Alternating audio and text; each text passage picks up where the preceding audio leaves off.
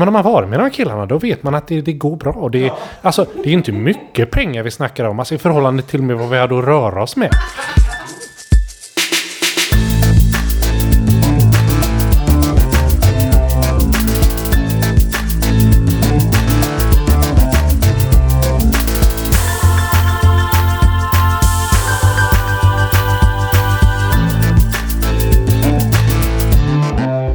Samma igen!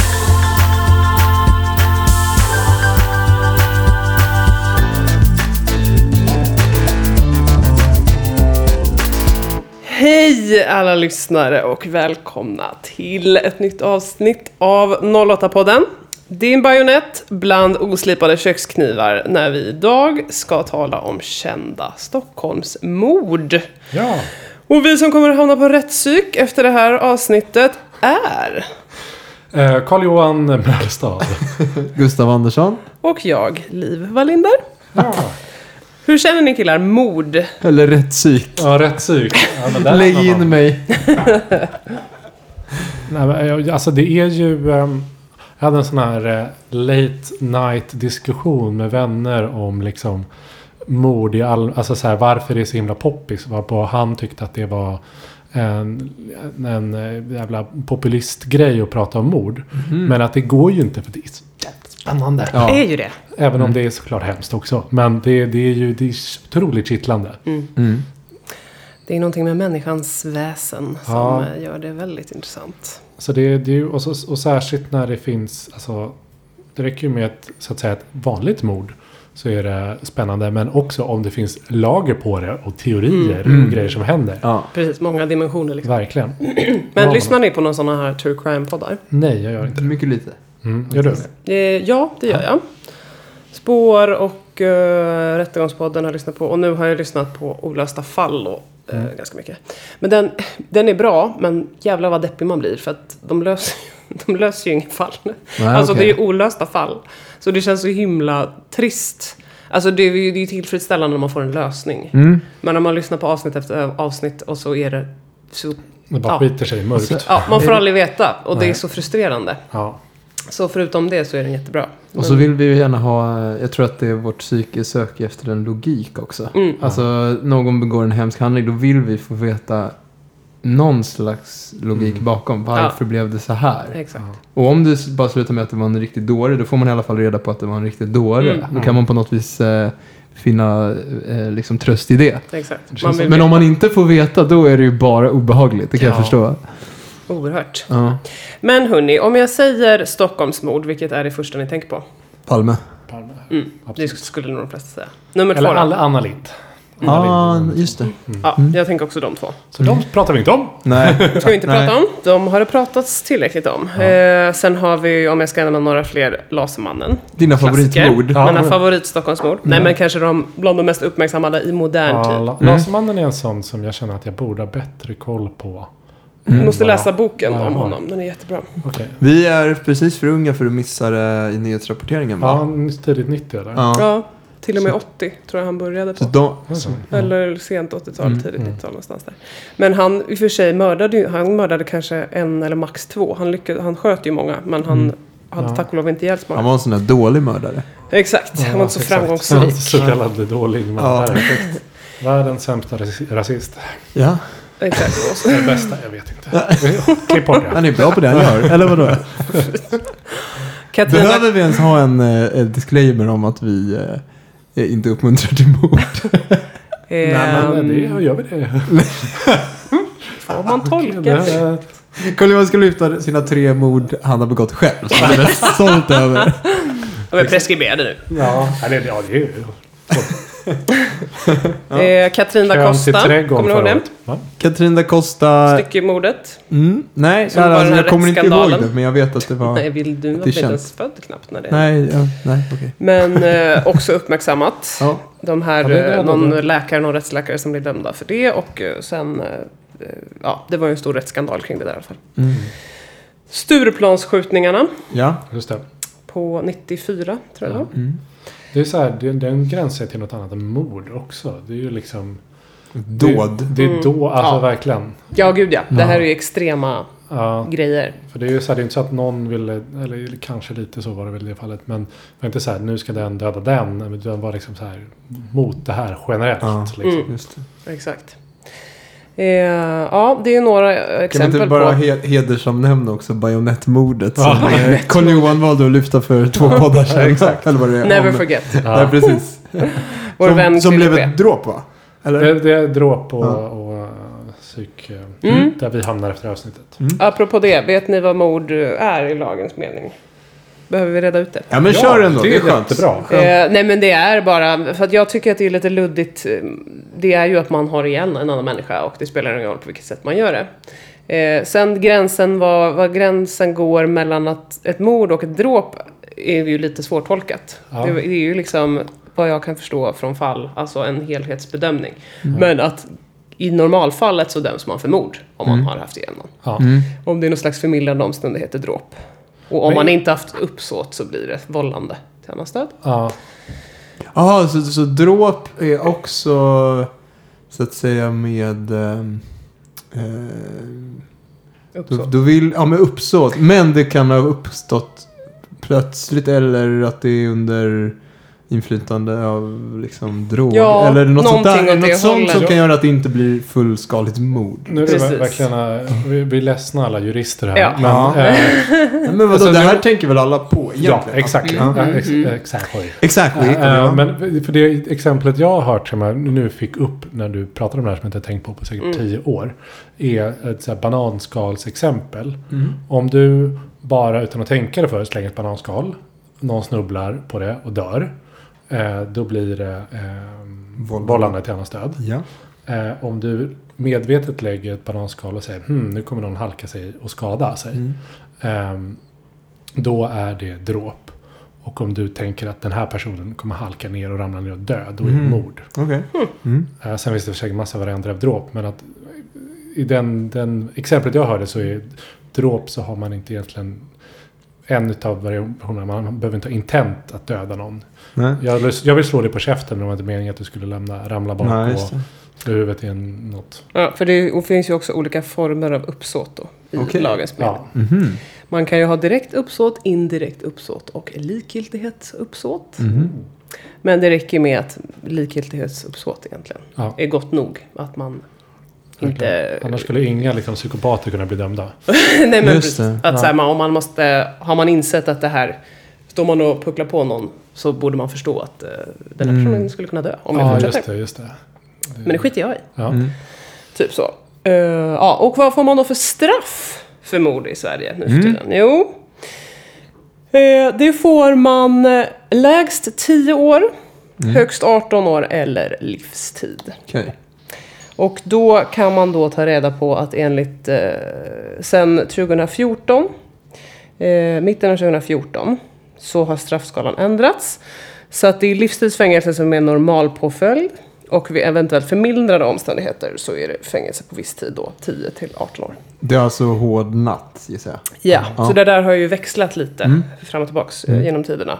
Vad som är liksom standard. Ja. Och det, det, de, det här var, pratade de om på nyheterna för ett par dagar sedan. Att de argumenterar för att standardmåttet ska inte... För nu är det näst... Jag har fått för mig att det är ja, men, vad säger du, 18 år eller livstid. Men att det ska vara 14 år bara. Mm. Och sen om det är extremfall så blir det livstid. Mhm. Och uppe var någon eh, jurist som var uppe och pratade. om Mhm.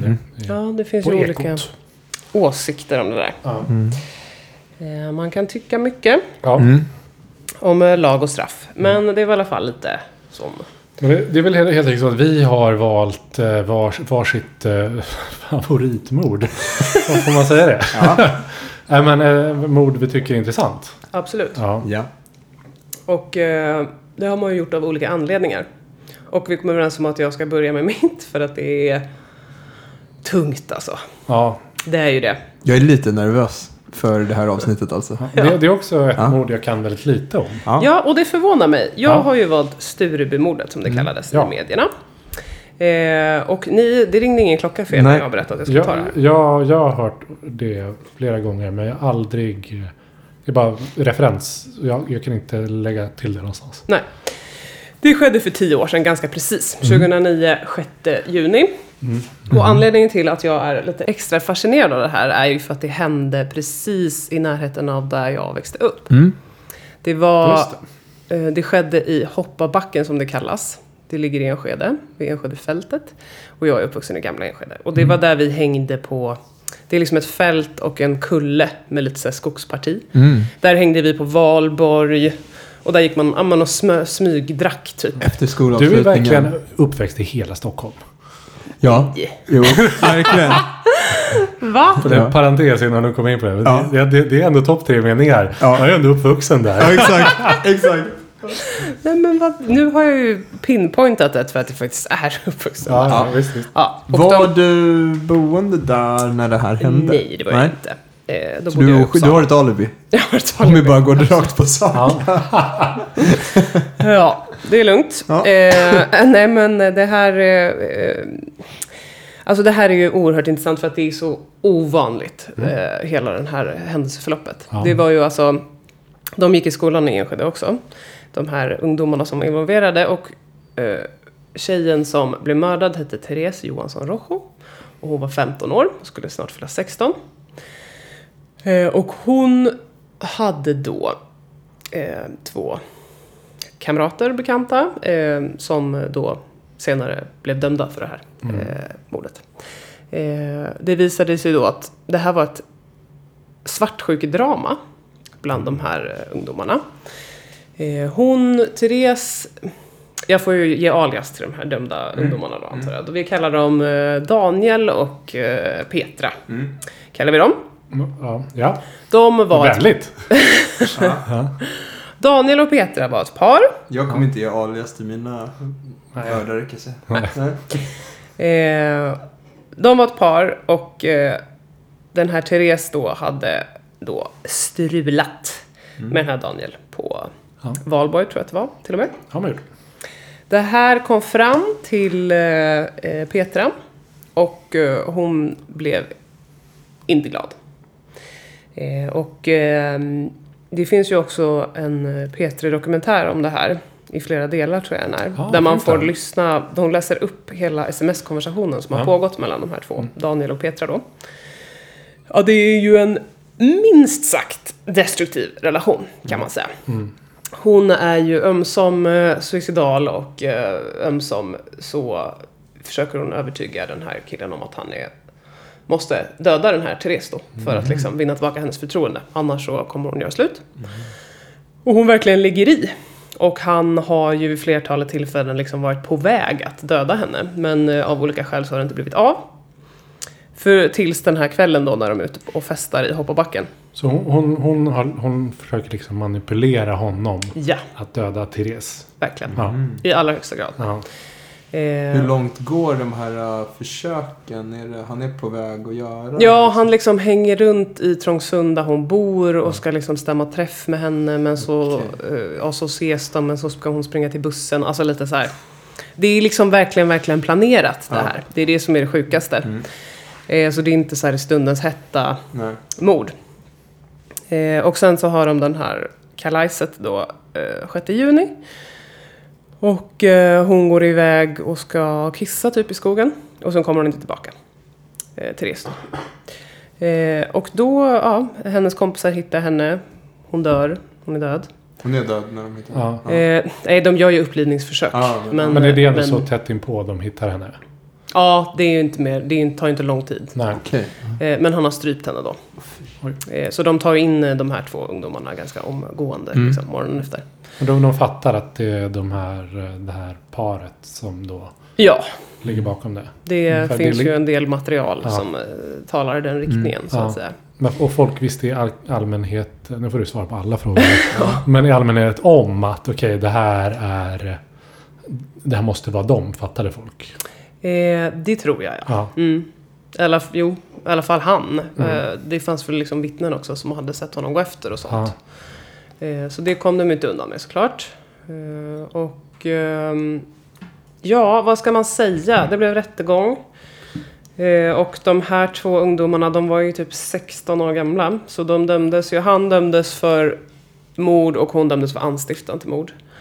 Mm. Och så fick de ju inom citationstecken då bara sluten ungdomsvård i Mm. ett år och åtta månader. Vilket man får om man är under en viss ålder.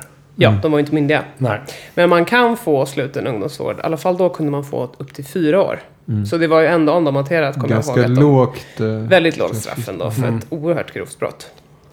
Men den här, den här, det är ju så sjukt, hela den här Ja. storyn. Mm. De är 15-16 år gamla. Mm. Hur kan man liksom... Alltså jag tycker det är så stört. Mm. Men det- men det är så otroligt. Ja, men just den här grejen med att hon har manipulerat honom till att göra något. Eh, för att hon ska må bra, typ. Mm. Det är ju Mm. det är sån konstig händelsekedja. Liksom. Men det var han som begick mordet till Ja. slut. Det var det ju. Men han hade ju inte gjort det om inte hon hade Nej, nej, nej. pressat på.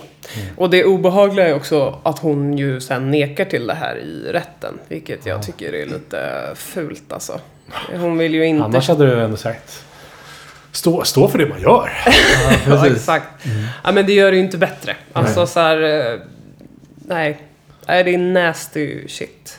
Och när det är... Ja, det var så nära liksom ens eget. Det hade ju verkligen kunnat hända I din gymnasie eller liknande. ja, Ja. i min högstadieskola. Mm. Ja, högstadiet. Helt sjukt.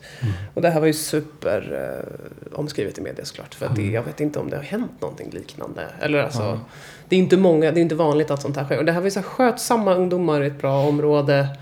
Mm. Alltså, ja. Det gick Tycker det låter jävligt som långt. vilken sån här äh, gammaldags opera, operaplott som Mm. helst.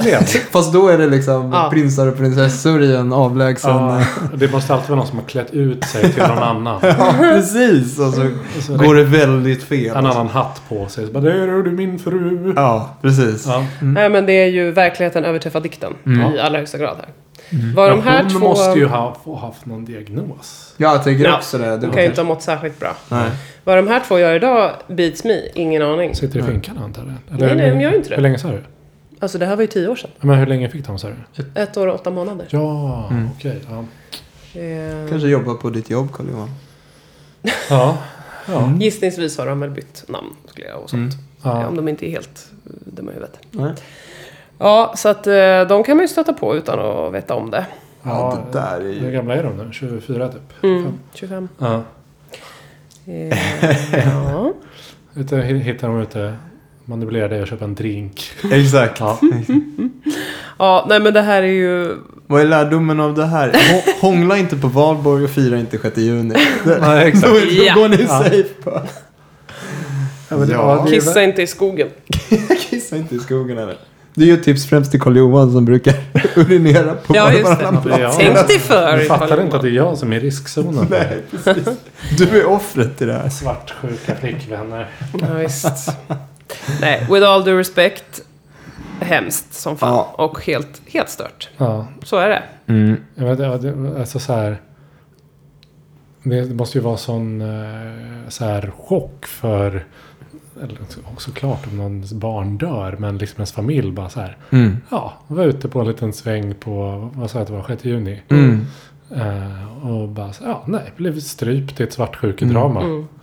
Det, Ja, det är det, så är liksom så här, det finns inte ens på ens, i ens ram att det kan hända. Ja, Det är så onödigt. Det är så jävla onödigt. Mm. Ja. Så att, men eh, ja, vad ska man säga? Det går till historien som ett minnesvärt eh, Stockholmsmord. I negativ bemärkelse. Ja. ja. En studie i mänskligt beteende, Mm. som jag ofta brukar säga. Mm. Mm, det var mitt mode. Ska vi lätta upp det här och ta något gammalt som ingen bryr sig om längre? Ja, exakt. Nej, det var deppigt och eh, tioårsjubileum om Ja. ett Mm. eh, månad. Exakt. Ja, men, eller tio år sedan något sånt hände.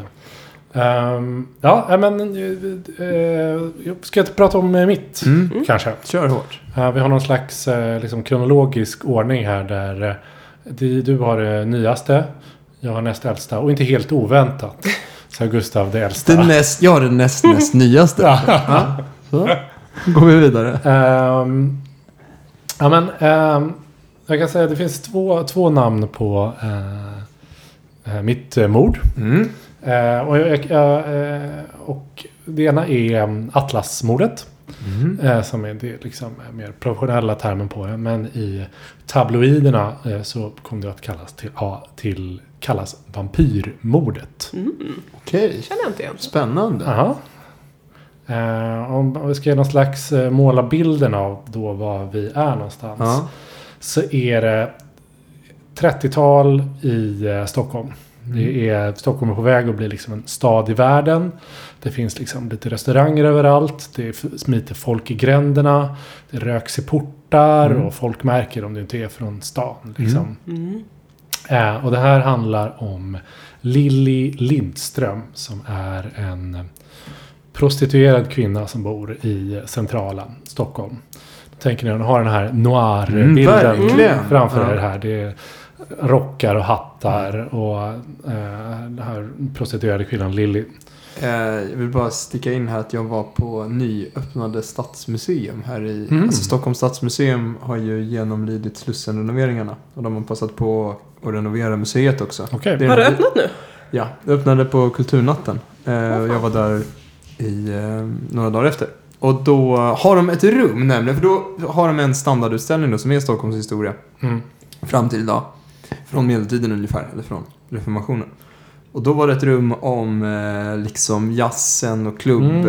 Eh, det var lite den här eh, fonden tycker Ja, jag. Det var, Ja, ni kan tän- tänka en sån liten dämpad, eh, repig jazzskiva som spelas i bakgrunden. ja. Och ett trevligt museum förresten. Ja. Bara så.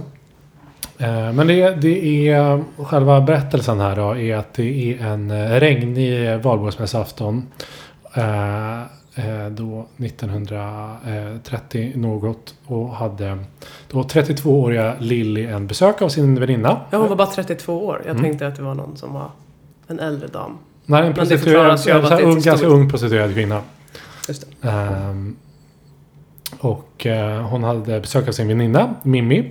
Och de eh, var hemma hos henne och pratade och hade trevligt. Eh, och sen eh, ringer då eh, Lillis telefon. Henne som det handlar om. Eh, och då ska vi säga att telefon är ganska ovanligt vid den här eh, tiden. Eh, så att det var väl, väldigt praktiskt att ringa till Lilly om man var eh, torsk. Eh, någon som var ute efter prostituerad. Så hon, vissa menar att hon var liksom som lite av en tidig call girl. Mm.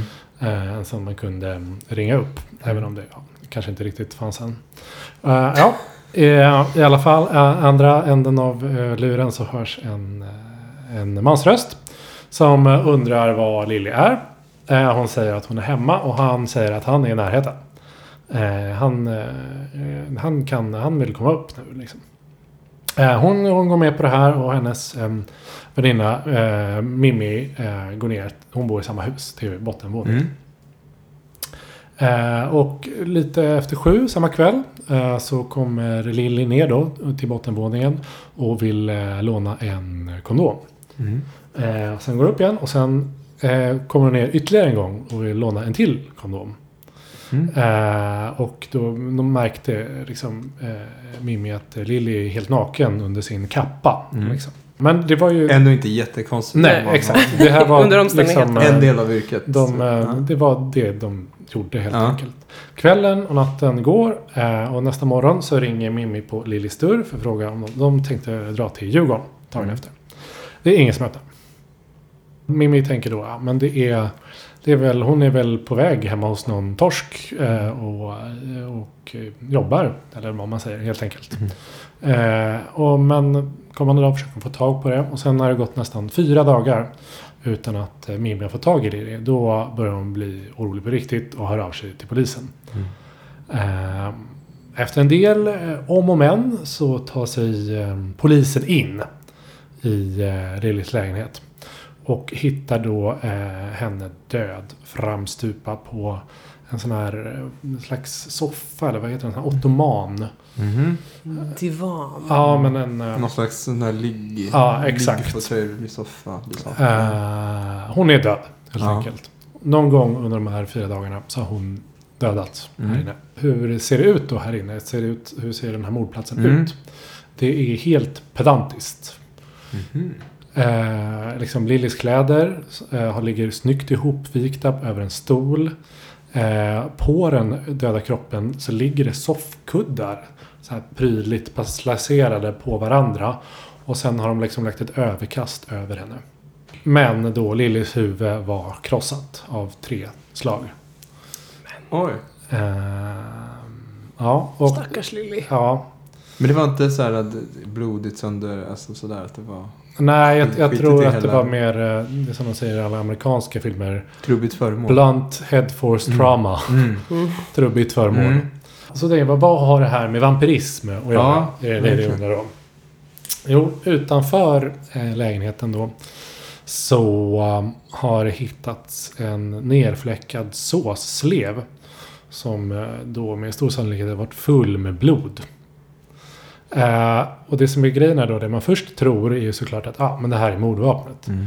Men, men den här såsleven är så tunn och lätt. Så att det hade aldrig kunnat orsaka de skadorna på hennes huvud. Så det har liksom inte använts till det. eh, Utan använts till ett annat med blod i. Mhm. Ehm, och ja, då, då börjar man misstänka så här, har eh, då mördaren druckit eh, blodet. Vilka sjuka jävlar det finns. Ja. Och då känner jag fortfarande jazzmusiken regnigt. Ja, oh, ja. En vampyr. Och då tänker vi att Härliga liksom, Stockholm. eh, det ockulta Stockholm antar Ja. då att det är en vampyr. Just det. Eh, liksom. Vilket medierna gärna blåser upp. Exakt. Ehm, Men det här med vampyrmordet, det skrev man redan då då? Eh, ja, det börjar man säga. För början kallas det Atlasmordet och sen Ja. så då när folk började få tag i, okej vad är det handlar om? Så, åh, vampyrmordet. Ja, ja, ja. Jag tänker vi lyssnar på um, GVs eh, teorier här. Ja. Eh, lite om eh, vad, eh, vem, vilka det kan eh, vara. Mm. Spännande. Då har man två huvudteorier som inte är så dumma. Att antingen så är det den sista kunden som säkringarna har gått i huvudet på. Eller också så är det den pojkvän eller hallick som de ofta har. Med, med Skånska Lill är det så att man inte hittar någon hallick. Hon har visserligen en manlig bekant och han hamnar i finkan rent rutinmässigt men det leder ingenstans. Han släpps efter ett par dagar. Eh, men sen så får man ett tips. Då ringer en berusad kvinna, ungefär samma bakgrund som skånska Lilly och berättar att det är hennes man som heter Pettersson. Det visar sig att han har blodfläckar på sin kavaj och sådär. Han beskrivs sammanfattningsvis som hallick, kåkfarare och tvålnasare. Så han är betraktad med polisiära ögon så är han ju höggradigt misstänkt. Och det hela blir inte bättre då när han ska presentera ett alibi och hänvisa till ett antal likasinnade som, som av polisen är kända som, som Krigan och, och Lilian och, och Huddingeskräcken. Och, eh, sådana där namn. Men eh, Pettersson nekar och, och man kommer faktiskt inte längre så efter tio dagar så släpper man ut honom. Och på den vägen är det. Mhm. Spännande. Så Säkringen har gått. ja, Ja. det är som kriminologsnack Ja, när verkligen. släpper. Så eh, den här då Pettersson, Kåkfaran. kåkfaran, eh, Huddingeskräcken. Ehm, ehm, han eh, blir släppt eh, fri. Eh, för att de har inte tillräckligt mycket att binda honom till mordet med. Och sen efter det så lyckas aldrig polisen lösa det. Mm. Eh, det finns inga mer ledtrådar om vem mördaren kan vara. Man hittar inga fingeravtryck. Och ingen, ingenting i eh, adress. Eh. Alltså det är, ju, det är ju konstigt att man lyckades lösa någonting på den tiden. Om man inte hade liksom någonting. Mm. Ingen DNA. Alltså det var ju väsentligt mindre teknisk bevisning. Ja, Men jag undrar också. Det känns ju lite som att om en prostituerad kvinna dör så är den kanske inte det högsta prio. nej, nej, men det här blev ändå väldigt uppmärksammat. Det blev det. Ja. Mm. Det Det, det hade väl varit inte lika känt i historien om det hade varit inte fått den här liksom vampyrklädnaden Mm. kring berättelsen. Nej. Nu fick det det och då känner Mm. man till det på ett Mm. annat sätt. Eh, och ehm, det är också tidigare, har- efter ett tag har man också hittat en kökshandduk med rödbruna fläckar som Mhm. man tror hör till det här. Eh, och det är liksom ja, men, sådana personer som Leif GW och andra liksom, grävande rapporter på Aftonbladet Expressen har försökt rota i det här. Mm. Eh, då under liksom 30, 40, 50-talet. Och även eh, senare. Men det preskriberades eh, 57. Mm. Eh, och eh, man kommer aldrig kunna veta Nej. vad som hände, vem det var eller varför det hände. Men det här är ju kittlande. Både för att det liksom känns oerhört ondskefullt. Det är det här en oskyldig flicka som hamnat snett och så Ja. ger sig någon på henne. Men också för det här äh, vampyr. Ja, men ockulta, verkligen. Ja. Det är, Ja, och det, det är sånt. ja, riktigt freak alltså. pratar de om, eh, alltså alla som talar om det här mordet idag, liksom är så här, det är ett sånt mord man hade löst jättefort Okej. idag. För att Ja. DNA-bevisningen Ja.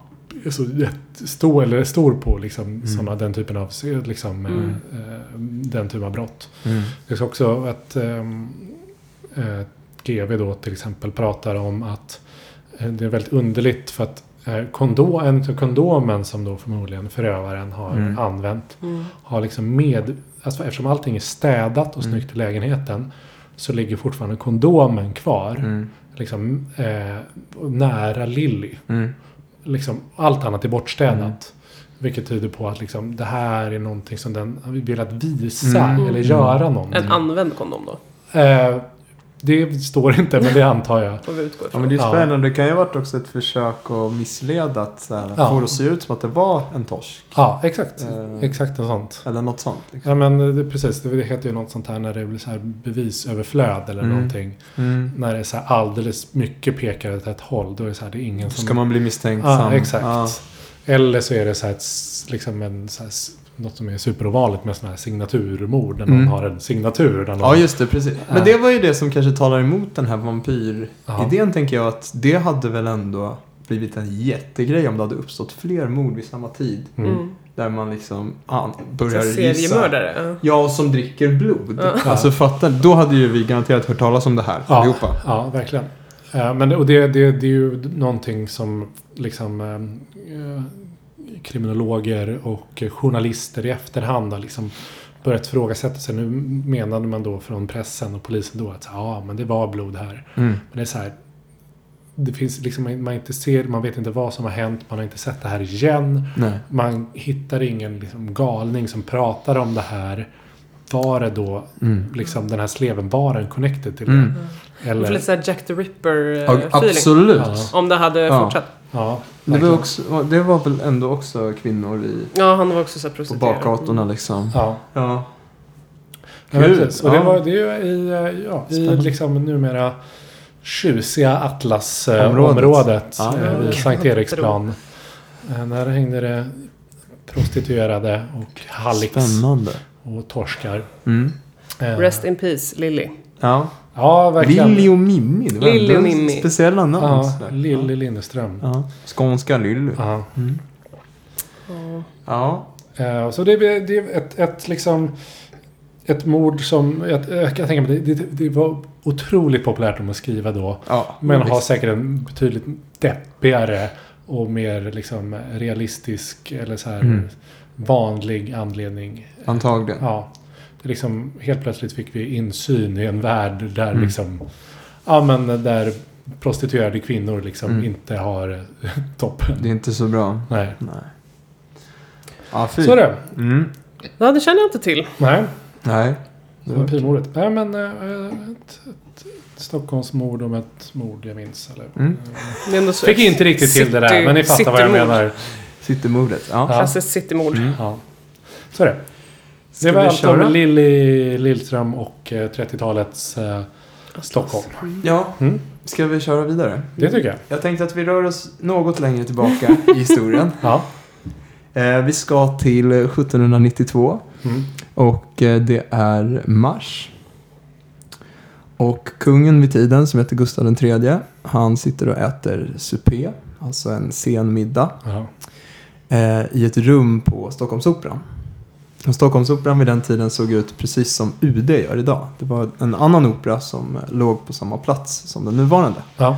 Jag gillar att du Eh. antar att vi vet hur UD ser ut idag. Ja, men jag tänkte att man kan gå och titta om man Ja, vill. För man vet eh, förhoppningsvis var Stockholmsоperan idag ligger, vid Kungsträdgården. Mm. Det är ett ganska anspråksfullt Mm. schabrak. Mm, ja, Ser ut som en ja, massa ja. lådor staplade på varandra. Ja, Men det var alltså en, en annan stil, ett väldigt stort hus.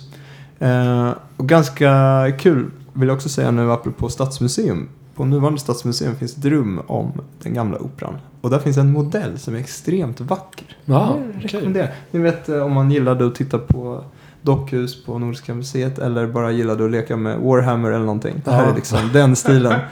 Jag ser ändå Eh. framför mig att någon har liksom gjort Warhammer av den här gamla Exakt. Ja. grejen. ja, men det var, cool, Mutant. det var coolt gjort. Ja, strunt samma. Men det är en, en, kungen sitter och äter middag. De ska strax gå ner på bal.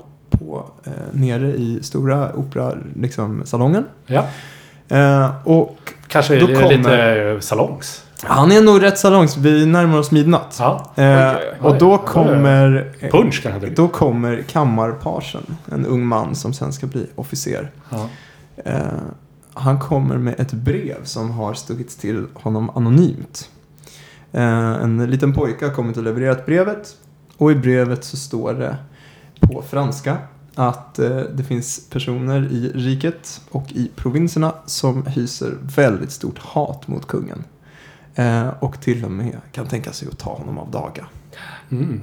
Och gå inte på denna förbannade bal, Mm. står det. Eh, och kungen förkastar brevet, eller han läser brevet. Och tar det inte på speciellt stort allvar och säger skulle jag visa att jag är rädd, det kan jag ju inte visa upp. Mm. Nu, nu går vi och festar. Krigarkungen Så går han och ställer sig, precis, så går han och ställer sig eh, väl synligt för alla balgästerna. Mm. Eh, och han står där ganska länge. Och folk är Eh. liksom klädda, hur bal... eh, Jag kommer till det. Du kommer till det. Ja, ja, ja. ja. Men eh, kungen ställer sig väl synligt för alla gäster. Står där i flera minuter. Och så säger han till en närstående att du ser, hade de velat så hade de kunnat skjuta mig nu. Varför hade de inte gjort det nu? Och sen går han ner på balen. Och balen är ju inte bara vilken bal som helst, utan det är en maskeradbal. Ja. Kungen har på sig en svart trekantig hatt, en mycket vacker dräkt och han har på sig en vit mask för ansiktet. Ja. Men eftersom han är lite lätt teatraliskt lagd så har han ju även liksom tagit i och smackat på sig sina ordnar väl synliga så det finns liksom ingen Inget tvivel om vem det är som är kungen på Nej. Nej, det är... Det, Så han går ju ner där. dåligt, dåligt maskerad. Man kan säga att han går ner som en levande måltavla. Ja, ja. Ganska snabbt så omringas kungen av ett antal män i eh, svarta caper och eh, så kallade dominomasker. Det är så här små masker om ni tänker er typ Batman och Robin. Ja, det. Robin Robins mask där. Gick de fram? Typ. Typ. Omringar kungen. En person säger till kungen God afton vackra mask. Och strax därefter, innan kungen hinner svara, så skjuts han i ryggen. Eh, strax ovanför höften. Och han skjuts med eh, en skrotladdning. Så det är liksom en massa små eh, nubb och kulor och ja, en typ av laddning som användes i sådana här eh, pistoler vid den här tiden. Eh, de, eh, kungen faller till marken och utbrister på franska Jag är träffad. Je suis blessé, säger han. Ja, det är... Och så... och jo, för övrigt, det här God afton mas- vackra mask uttalas också på franska. Det är så att säga ordet. Ni hör. Ja, det är franska vid, vid Brevet skrivet på franska. Han går ner och säger God afton vackra mask och han svarar Jag är träffad. Eh, och efter ett tag eh, uppmanar han också sina närmaste att bära iväg honom till en, eh, ett angränsande rum. Mm. Där han eh, tas om hand och såret läggs, läggs om och sådär. Men Vitt! eh, dessförinnan, Alla- och det här, det här är ändå av viss vikt, så eh, de personerna som har omringat honom börjar skrika elden är lös för att försöka, försöka skapa eh, panik och oordning i rummet. Okej. Men en handlingskraftig man, eh, trogen kungen, eh, uppmanar eh, att man ska stänga alla dörrar så att ingen ska kunna komma in. Just ut. Eh, alla gästerna... Väldigt eh, Agatha Christie det här. Ja, det är otroligt alltså. Det, det, är verkligen, det här är ett sagomord alltså. Ja. Men... Eh, polis... Eh, polisen kommer dit. Eh, alla gäster eh, antecknas. Eh, man hittar två pistoler som har dumpats och en kniv. Eh, man noterar att eh, eh, pistolerna har nyligen blivit eh, servade eller fixade. Och därför, redan samma natt, så sänder då eh, den undersökande polisen eh, iväg eh, personer till stadens vapensmeder och eh, väcker dem. Och eh, de visar upp vapnen och det går väldigt fort. Så är det en person som säger det där vapnet, det tillhör Ankarström. Ja, Med Så vilken han- driftig eh, kriminal... eh, Och det, det är så här att den här kriminal... Jag har sett nu eh, i min research på flera platser eh, i källorna personer som hyllar honom. Mm. Han är liksom uppenbart driftig Ja. och eh, handlingskraftig. Snabb. eh, Och det görs eh, ju självklart då en del liknelser med Palmegruppens oförmåga att visa handlingskraft. Ah, kul. Men ehm, Ankarström spärras in redan samma eh, dag. Eller samma, eh, samma dygn. Eh, och erkänner också ganska snabbt. Mm. Eh, så att eh, mördaren är klar ganska tidigt. Men det är väl egentligen det som händer sen som är, tycker jag, lite mer spännande. Och det är att det visar sig att det finns flera som har varit inblandade i det här. De kallas för de sammansvurna ja. så här i efterhand. Mm. Eh, och det är alltså den absoluta, personer ur den absolut högsta adeln. Mm. Väldigt förnäma personer. Eh, just Ankarström beskrivs som en avdankad kapten. I visserligen adlig, men bland dessa övriga herrar så är det alltså absoluta toppskiktet. Okej.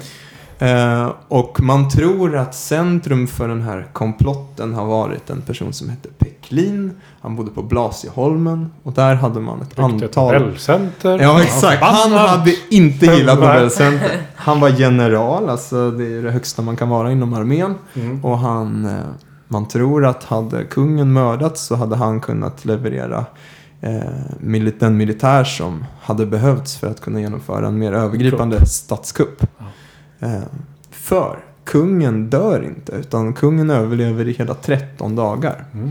Och man är tämligen säker på att hade det här mordet begåtts idag så hade han kunnat lämna sjukhuset redan samma morgon. Är det sant? Man eh, tvättar inte såret ordentligt. Han, det blir infekterat och till slut så dör han i sviterna av de infektioner som sprider sig i kroppen.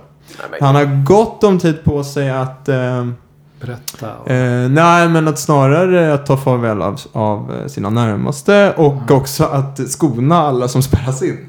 Så han vill vara stor och liksom... Ja. Ja.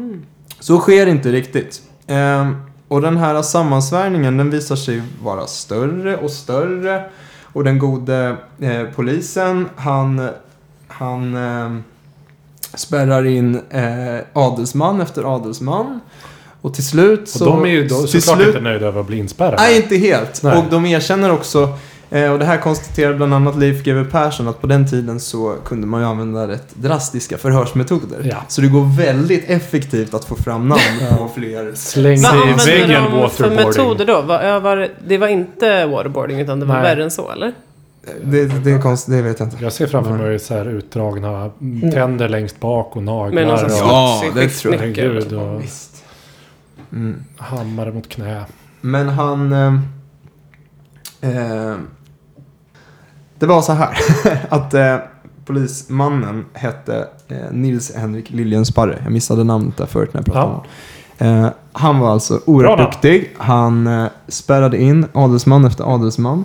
Och till slut började de här eh, personerna som spärras in närma sig hovet på ett opassande sätt. Det, alltså det visade sig att det var personer som stod eh, kungens bror, Karl XIII skulle han bli, väldigt nära. Okej. Då tog blivande kungen, för Karl XIII var den som skulle då tillfälligtvis ärva kungens, eh, Mm. ja, bli kung. Ja. Eh, då la han locket på utredningen. Hur räckte det? Och det finns spekulationer som väl inte är helt osannolika om att kungens egen bror kände till konspirationen. ja. Det, eh, och det kunde man ju inte visa upp i något polisprotokoll. nej. Ska jag också säga att eh, förundersökningen mot Ankarström finns alltså. Eh, jag har laddat ner den på pdf. den finns fortfarande. Det är ju fantastiskt. men det är ju sjukt coolt att den finns tillgänglig. Eh, och det finns mycket sånt här coolt. Alltså kungens klädsel från maskeradbalen finns ju bevarat Livrustkammaren i sin helhet på Livrustkammaren. Det. Det finns också en stol som det sägs att han ska ha suttit i när han togs eh, till, den här, till det här rummet bredvid maskeradbalen. Eh, det är lite oklart om det faktiskt är kungens blodfläckar Nej. på. De där fläckarna kan ha kommit till på annat sätt. Ja. Ehm, men, det, men det finns mycket kvar eh, från den här tiden. Mm. Eh, som man liksom kan gå och titta på i våra museer. ja. Det är ju otroligt coolt och väldigt mycket finns arkiverat och eh, eh, tillgängligt. Men eh, om, Ja. jag ska se om jag blandar ihop det här med en annan kung. Var det så att var det inte Gustav IIIs mor som var liksom besviken på sin son också? Att han var kass på att avla barn. Eh, jo, eh, det stämmer att Gustav III i sin ungdom, det tog tid för honom att, eh, att skaffa sin första, Ja, sitt första barn. ja. Stämmer. det. Eh, och det finns stories om att eh, den egentliga pappan till barnet var en, en hovstallmästare. Ja, just det. Det här finns väldigt roligt skildrat i en kort SVT-serie med Jonas Karlsson. Eh, en dramatiserad Ja. serie. Men det, men det är alltså, det är ju det soliga, glada. Det här är ju mord. Ja, jag vet. Så kom inte här och prata, nej vad ska jag. Nej, nej, jag tänker att det- det fanns ett visst liksom mot Gustav III generellt. Ja. Att Ja. det är ingen riktig kung vi har. Nej men precis. Han kan inte ens eh, föda oss en son. Ja, ja, ja. Ja, ja men det är möjligt att det, det flödade nog sådana tankar tidigare. Mm. Men jag tänkte att vi skulle gå in på... Har har du några frågor så här långt? Eh, jag är väl... eh, eh, jag är ju hittills mest väldigt imponerad av kriminalinspektören eller vad man ska kalla Ja, nej men han är ju imponerad. Sporre eller vad det. Ja, precis. Men tänk på att han eh, som sagt fick ta till metoder vi inte får göra idag. Ja, om man Men, ändå men hade- han var, det, som var, det som jag tror var helt avgörande var alltså hur handlingskraftig han var på mordnatten. Mm, om man ändå kunde varit här på vampyrmordet. Exakt! Ja. Då hade, hade saken varit Eller biff. Palme. Ja. Eller Palme. Ja. Eller så hade vi bara kunnat tillåta lite tortyr där på 80-talet. Så hade vi löst Men eh, alla mord eh, kräver ju ett motiv. Tell us. Och då tänkte jag att jag skulle ta upp. Eh, det är inte helt klarlagt. Även om man i stora drag. Man vet alltså att det fanns en eh, adelskonspiration. Och det var så att Gustav III genomförde en del reformer, för att inte säga statskupper eller statsomvälvningar, för att ta makt från eh, adeln. Dels till sig själv och dels fördela den bland de övriga stånden. Mhm. Eh, så att eh, eh, det är klart att det inte... Bland annat så genomförde han ju den fruktansvärda reformen att bönderna fick jaga på sina egna marker. Vilket de inte hade fått göra för det hade varit ett adelsprivilegium att få Ja, jaga. just det. Ja, men då blir ju... Ja. Vad, vad hette den här generalen? Vad sa du? Den här Ja, Peklin. Peklin. Ja, utom sätt- sig. Vi kaffe i halsen. absolut. Jag måste också bara läsa upp några av de här namnen. Jag tycker de är ganska vackra. Vi har ju Peklin då, men vi har ju också Ribbing och Horn. Ja. Och just Ribbing alltså? Ja, visst. Han är en, eh, en eh, anfader till eh, den framlidna Magdalena Ribbing. Nu ska vi spärra, Han- spärra in henne. Men man gjorde så, det var ju väldigt praktiskt på den tiden, det var ju inte helt eh, demokratiskt va. Så att man eh, såg till att Ankarström fick bli syndabocken. Eh, övriga behandlades förhållandevis skonsamt. Eh, de eh, landsförvisades. Men levde ganska gott utanför sina länder. Ribbing, bland annat, känd som kungamördaren nere i Europa, eh, bevittnade själv när eh, Ludvig den XVI giljotinerades under franska revolutionen. Överlevde han det? Ja, ja, alltså han var nere och, och stod och hejade på i matchen. Ju, Han har... han, alltså det var en man som levde. man får ändå så här... Han dejtade också friskt nere på kontinenten. Ja. Nej, Det var en det, det är stjärna. som får uppleva två kungamord. Ja, visst. Alltså det var ju en Live, härlig... Ja, liksom. live, verkligen. Ja. Eh, det var också så att kungen startade ett anfallskrig. Det var ju redan då inte helt okej att starta anfallskrig. För det, då vet man ju att då drar man ju på sig problem. Eh, Alltså, Gustav III gjorde Gustav III startade anfallskrig mot Ryssland. Ja. Eh, och de som vågade kritisera honom behandlade han mycket illa och brutalt. Eh, så det här väckte ju också ilska hos de som inte höll med honom politiskt. Ja. Men det jag, ja, förlåt, Det, är, nej, men det är ju en sida av Gustav den tredje man inte tänker på så ofta. tänker på. Man tänker Nej. mer liksom kulturkungen. Ja, jag tror, vi kommer ju återkomma till Gustav III. Vi har redan nämnt honom för Ja. att han var en kulturell, Ja. eh, liksom, han tog en massa europeisk kultur till Sverige, han grundade en massa institutioner och så vidare. Men han var också eh, en man med ambitioner. Ja, ja. Och startar man anfallskrig mot Ryssland, ja, då har man för stora ambitioner. Eh, det har man. Man måste ju göra som, som Ryssland gör, att man börjar småannektera lite grann. Precis, precis. Det gjorde han inte. Håll över lite norra Finland först. Ja, men precis. Eh, men den eh, det slutliga motivet som jag väl eh, tycker att jag eh, sympatiserar mest med. Eh, det är ju så att det var väldigt många som tyckte att det vore praktiskt om kungen röjdes ur vägen. Mm. Men det var uppenbarligen inte någon som ville ta tag i saken själva. Nej. Då var det ju praktiskt med den här Ankarström. Ankarström hade eh, också en, eh, en, ett annat skäl att mörda kungen. Nämligen att eh, man hade vid tiden, under Gustav IIIs tid hade man infört något som hette silvermyntfot. Eh, det var ett system där eh, de sedlar som fanns ute i landet Ja. kunde man byta in mot silver. Ja. Eh, ett sätt att ge pengarna ett riktigt värde. Mm. Det har ju använts långt fram i tiden. En guldmyntfot brukar man ju prata om. Mm. Ehm, och Till typ 70-80-talet. i USA. Ja, Sverige har fortfarande en viss guldreserv även om den inte är Ja. så stor. Men liksom det, det är något, ett, ett stort, viktigt Mm. finansiellt... ehm, Sveriges Fort Knox. Men om man som kung börjar kriga då är det väldigt frestande att börja pressa sedlar och så Ja. vidare.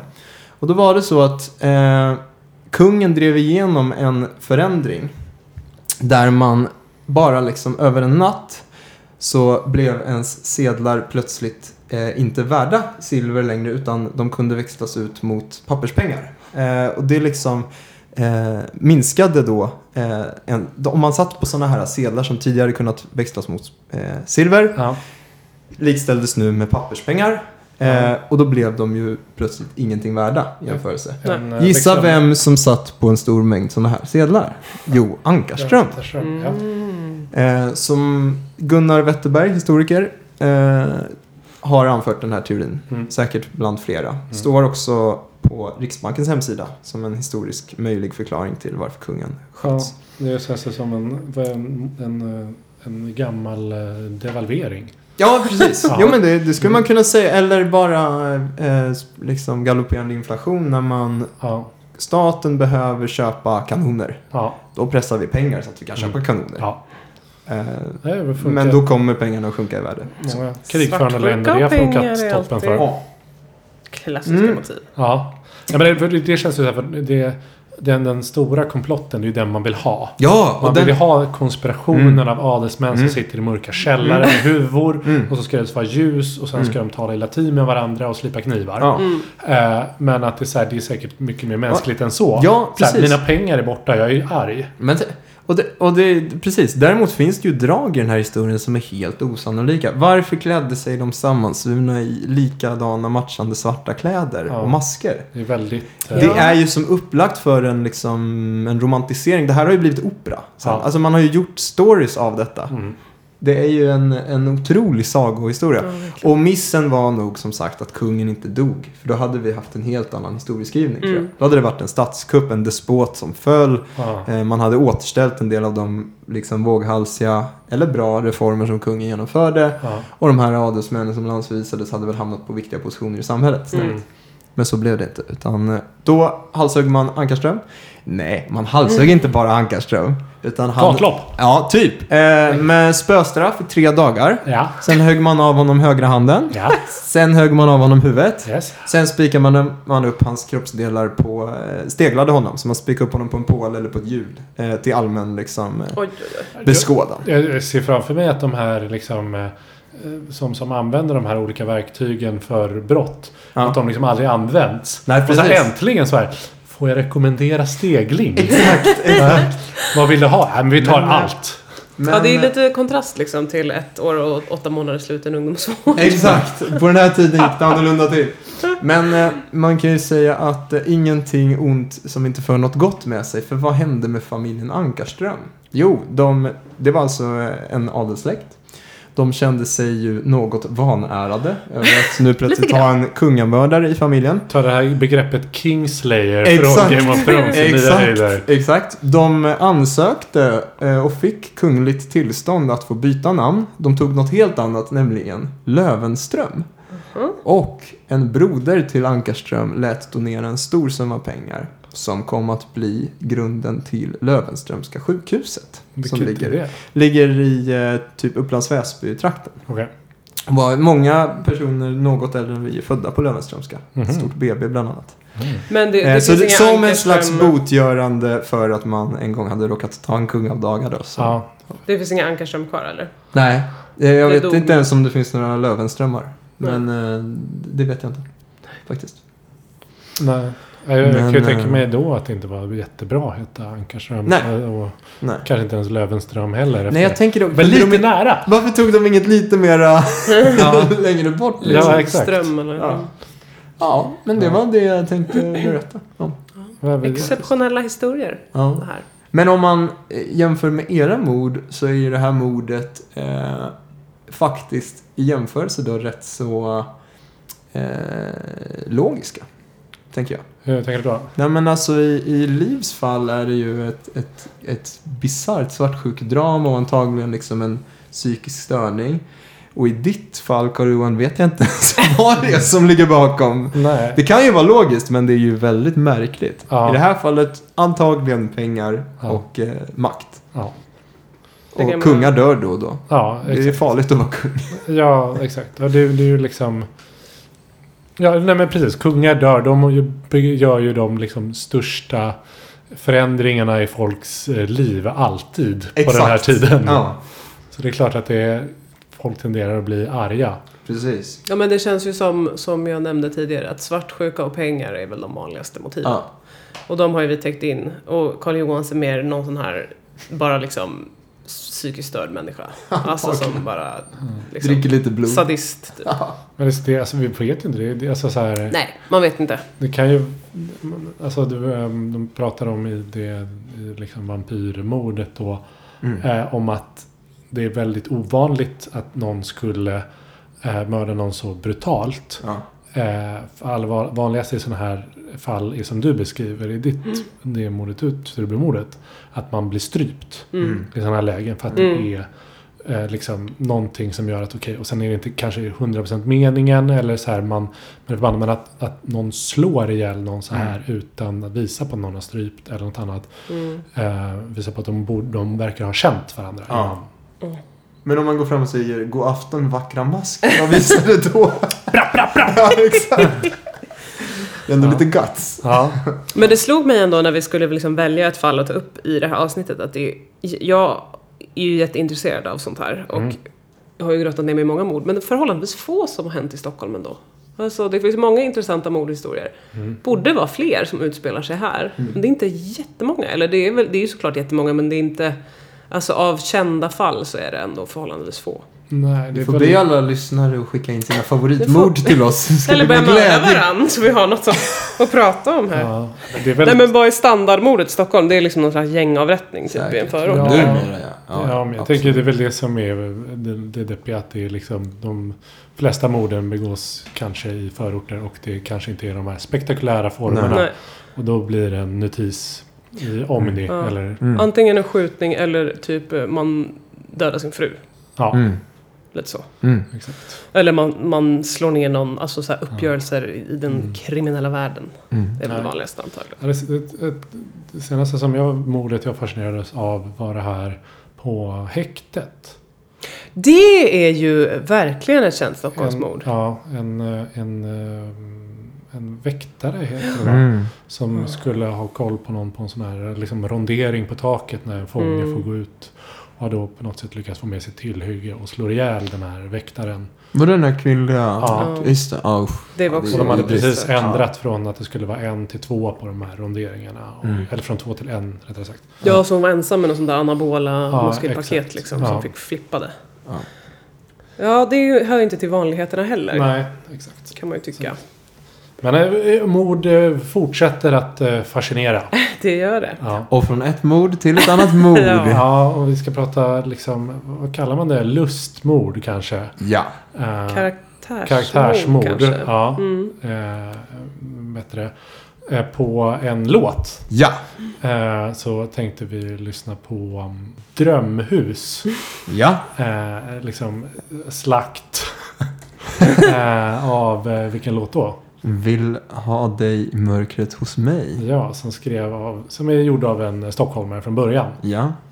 Det är Christer Sandelin och det. eh, Freestyle. Exakt. Ja. Eh, så vi drämmer igång det här eh, slakten till eh, dänga. Och se vad vi tycker.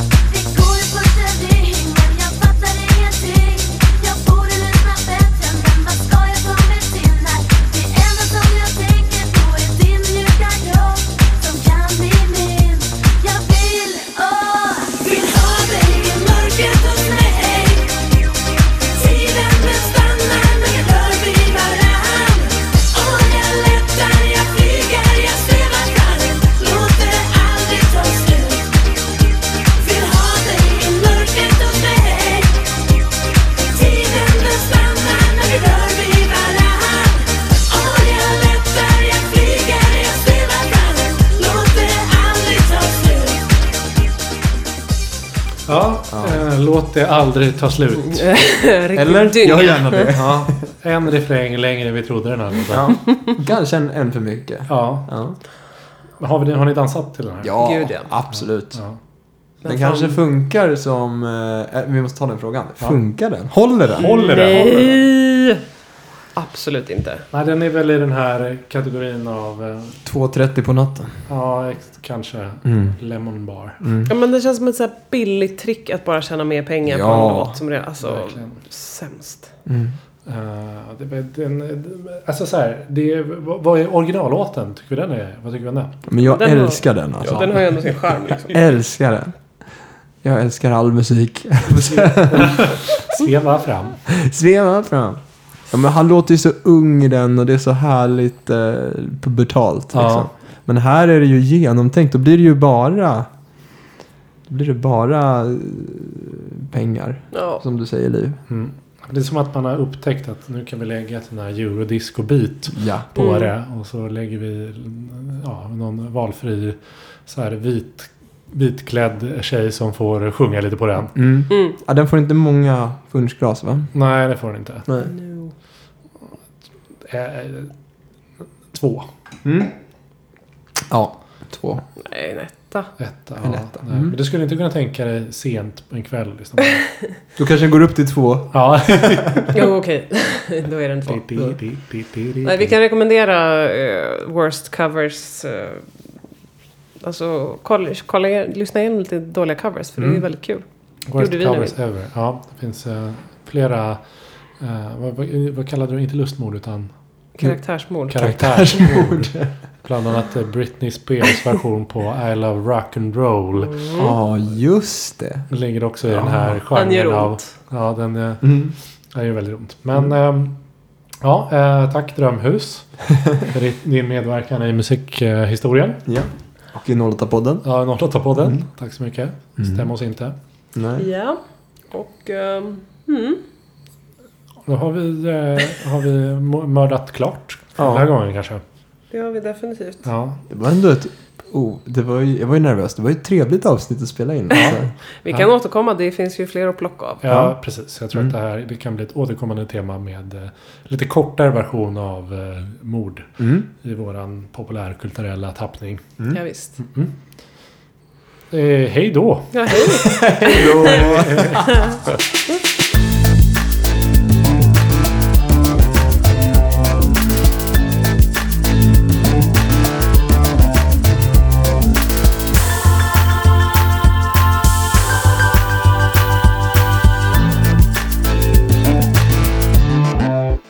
igen.